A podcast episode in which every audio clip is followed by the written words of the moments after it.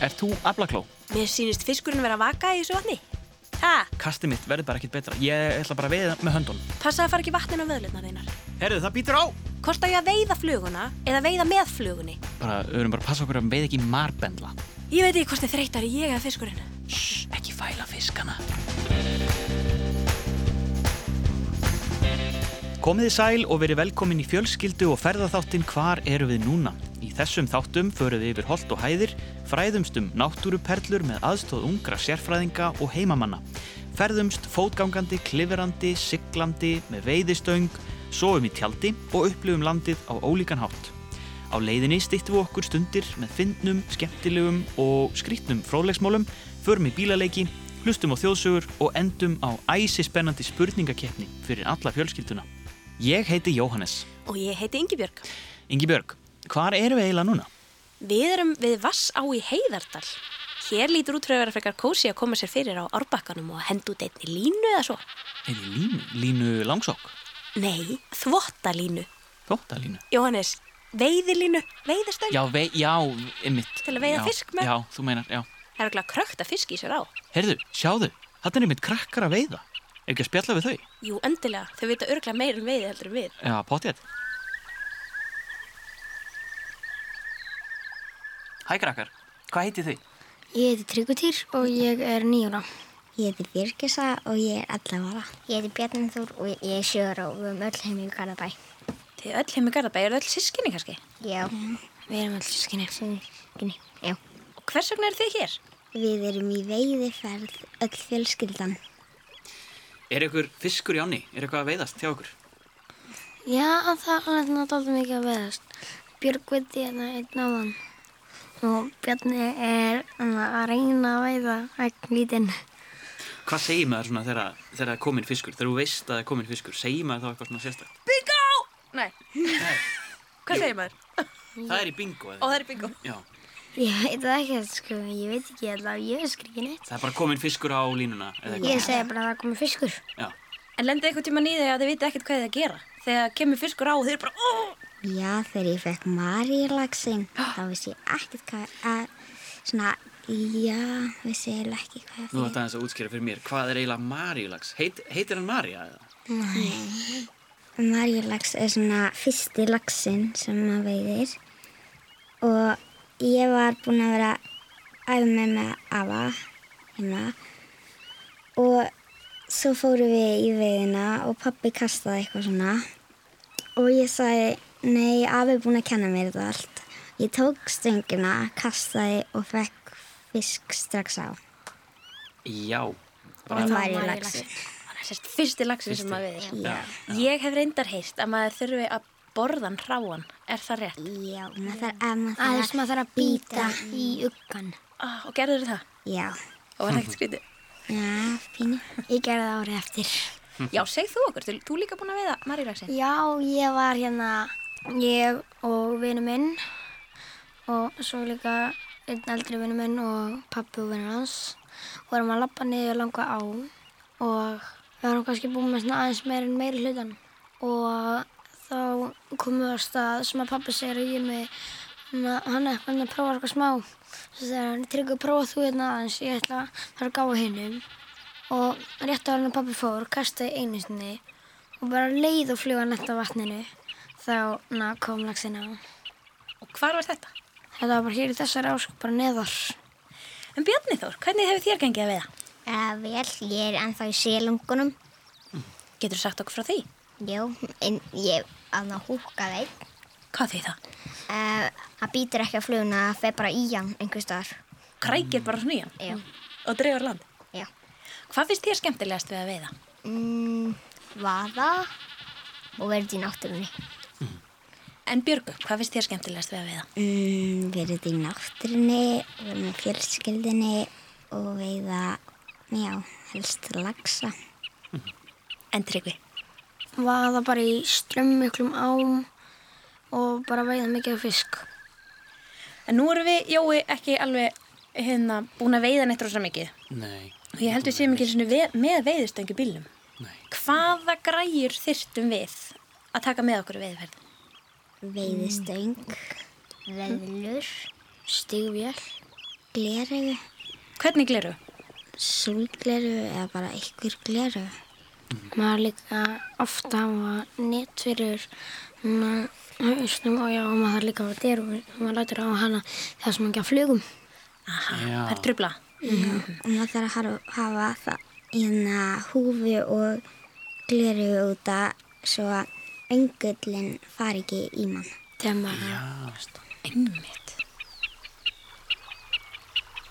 Jæja, herru, ég held að við ættum ekki að vera að trubla meira við bara fælum fiskin í burtu. En takk kjærlega fyrir spjallið, krakkar. Takk fyrir spjalli. Takk, takk. Takk fyrir okkur.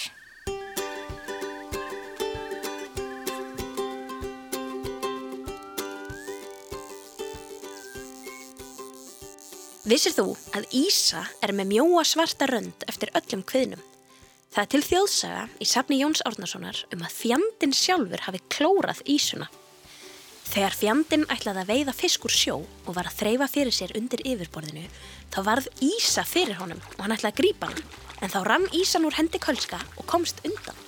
Svarta rákin er því eftir neglunar. Vissir þú að fyrsti fiskurinn í veiðiferðum er stundum kallaður Maríufiskur? Þennan sið má rekja aftur til kathólskrar trúar. Nafnið er tilkomið því með fyrsta fiski var oft heitið á Maríu mei og henni gefin fyrsti fiskurinn. Það átt að bóða gott í komandi veiði.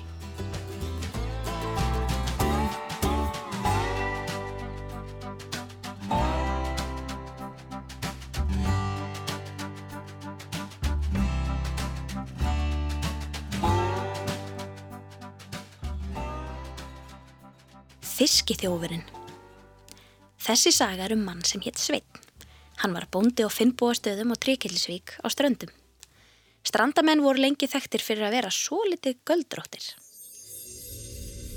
Kanski var Sveinn þessi það líka. Hann var allavega lungin veiðimaður, veiti bæði ref og fisk. Hann átti fiskihjall en það er kaldur kofi þar sem fólk geymdi til dæmis fiskinn sem það veiti. Einu sinni tók hann eftir því að fiskurinn úr hjallinum hans hvarf á dularfullan hátt. Sama hversu mikið hann veiti, þá virtist alltaf eitthvað hverfa. Mm. Hann komst fljótlega að því að þarna var á ferð fátækur maður, þjófur sem stál sér til matar af einskæri neyð og því létt sveitn eins og hann tæki ekki eftir þessu. Þegar engar voru afleðingarnar af því að stela, varð fátæki maðurinn sífælt stórtækari, tók alltaf fleiri og fleiri fiska.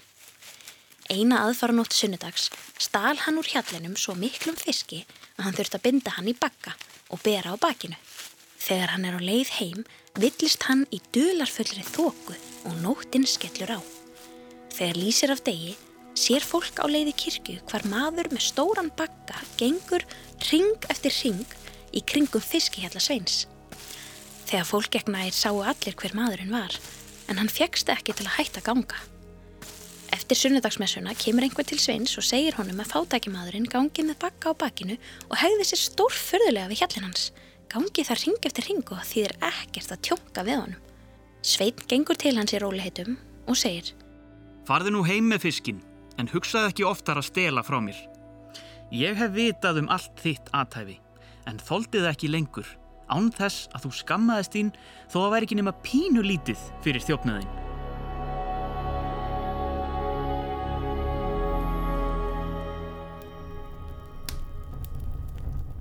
Hjónin og loð silungurinn. Einu sinni byggu Karl og Kerling saman á bæ hér á landi. Þau höfðu búið saman lengi en aldrei eignast barn. Þess vegna voru þau mjög ósátt og óánægð saman. Karlinn var ósangjarn og kendi konu sinni um að þau gætu ekki eignast börn. Hann refsaði henni fyrir það með því að geta stærstan hluta af matnum sem hún eldaði, bæði sinnskamt og langmest af hennar skamti líka. Konan grendist og varð sorgmætari með degi hverjum. Einu sinni fór Karlað heima en konan gengur út úr bænum og fyrir að tala við sjálfa sig og þylja upp raunir sínar. Hvers vegna gat hún ekki eignast barn? Þá er þið allt svo gott á ný.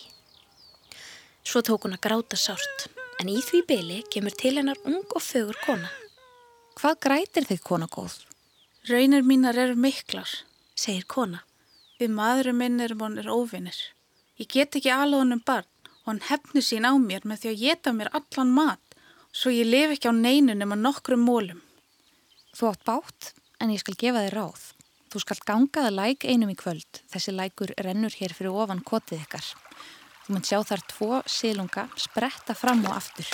Mun annar vera loðinn en hinn venjulegur á að líta. Þú skalt ekki hætta fyrir en þú hefur náð þessum sílungum. Síðan skaltu sjóða þá og geta sjálf loðuna sílungin og vita hvernig fer. En karliðinum skaltu gefa snóðna sílungin.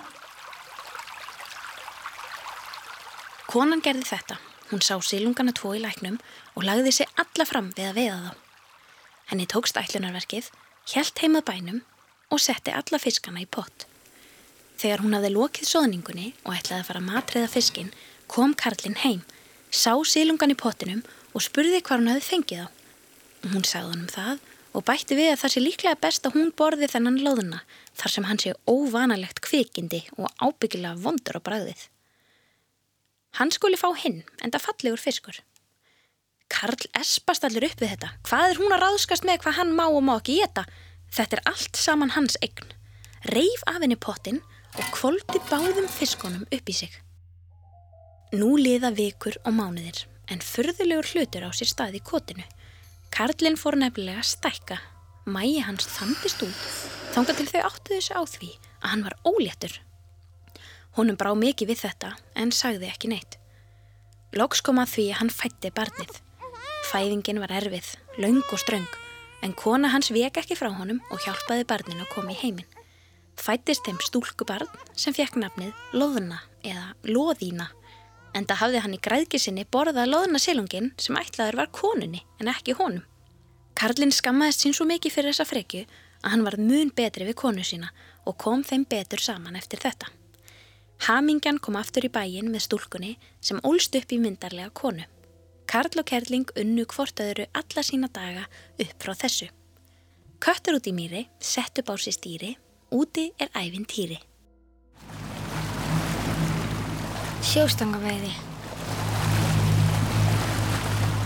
Sjóstangaveiði er þegar maður fer hann hvort á trillu eða litlum bát út á sjó og þar er maður eiginlega með svona starra og sterkari anna, stangir en maður notar í flugveiði og þannig. Þann að maður anna, og það er líka miklu lengri band og maður fer bara alltaf langt út á sjó og þá lætur maður línun að fara bara svona örgulega 100 metri án í vatnið eða eitthvað.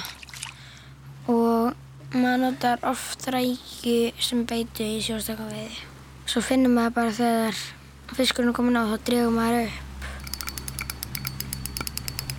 Þegar ég fór hérna með söskinu mínum og vinum fólki mínu og fóraldurum þá sáum við hérna eitt stóran útsel sáum haförn og við sáum lunda þetta var á breðifjörðunum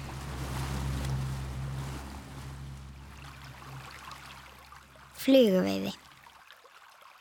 Þegar maður veiðar að fluguveiði þá þarf maður að kasta þáldi nokkru sinnum og svo sleppur þau út í og það kallast falskast.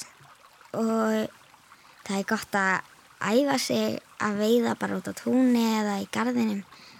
Ég lagði það með afa og þá ímyndum við okkur að við séum að veiða túnfisk. Maður kastar út í og dregur hægt inn og svo ef það kemur fiskur á þá þarf maður að kippa í og setja stöngin upp og svo sleppa að, og draga inn til að þreita hann og svo þegar hann er orðin fyrir eitthvað þreytir þá dregur inn og þarf að finna stað til að landa honum til dæmis litað strönd eða bara vað út í og ná honum kannski með háfi eða bara taka hann upp. Flugurnar eru að maður nýtir flugur ég hef nýtt flugur það er svona pínulítill öngull og svona þráðir og svona fjæðurir eða svona eitthvað sem er að líka eftir flugur sem eru svona í vatni maður getur farið í flugveiði í bæði vötnum og ám að dorga. Að þorga er að fara nýra höfn og tekur, maður getur tekið rækju eða orm og maður kastar bara úti og drugurinn en maður þarf ekkert að lyfta eins og í þarna flugveri. Einstu fór ég að dorga með afa og mamma haldi allan tíman í vestum mitt og þegar ég var næstu dottin út, út í og ég veitir kóla.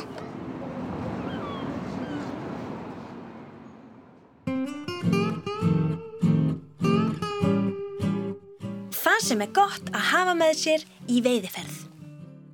Veðlur, Gleri, stígvél, veiðistöng, derhúa, beitu, flugur, veiðurkleru, flugranett, auka föt ef maður blotnar, nesti, veiðikeks, háf til að landa fiskinum, veiðihjól og línu, nýf til að gera að fiskinum.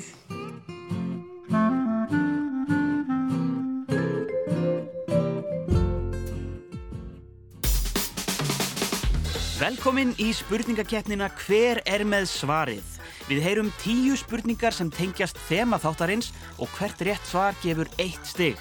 Sá sem fyrstur kallar rétta svarið fær stíð. Og við byrjum núna. Tryggvi Týr, veiði sérfræðingur, sagði frá sérstakri veiði aðferð þar sem aður siglir á bát langt út á haf og kastar svo út línu sem fer djúft ofan í sjóin. Hvað kallast svoleiðis veiði?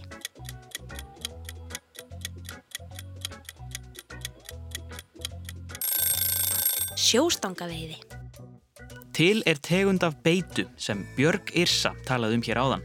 Maður býr beituna til sjálfur eða nýtir og líkir eftir agnarsmáu dýri. Hvað kallast beitan?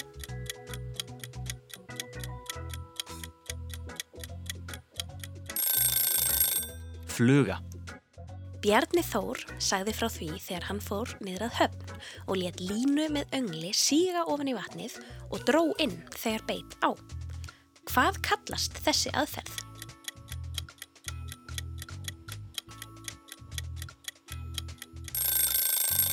Að dorga. Sveinn Bóndi á Finnbogastöðum í þjóðsögunni hér áðan var duglegur veiðimaður. En hvað kom fyrir fiskin sem hann veitti og geymdi í fiskihjallinum sínum?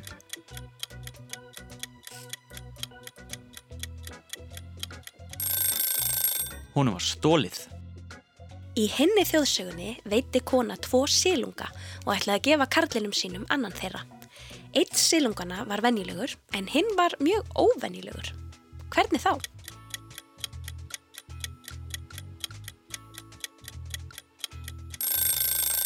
Hann var loðinn. Hvað kallast fyrsti fiskur sem maður veiðir?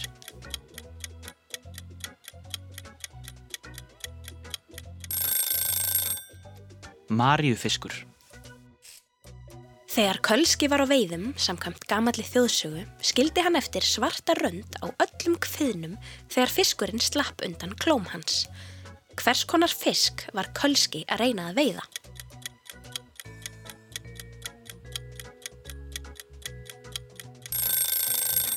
Ísu. Björg Yrsa talaði um að það væri gott að æfa fluguveiði á túnum og að hún og afi hennar kölluðu það að veiða túnfisk í gamni. Þegar maður veiðir með flugu þá þarf maður að kasta nokkrum sinnum áður maður sleppir. Hvað kallast kastið áður maður sleppir?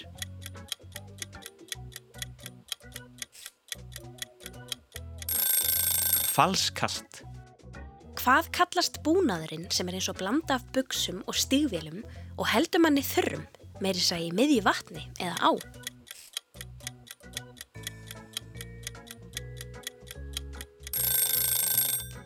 Vöðlur. Þegar það býtur loksins á hjá manni og maður dregur fisk inn að árbakkanum, notar maður ákveðin hlut til að fanga fiskin. Hvað notar maður?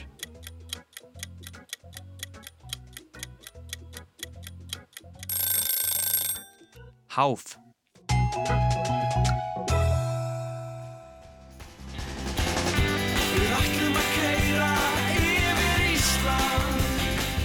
Það er bara ekkert að býta á hjá mér.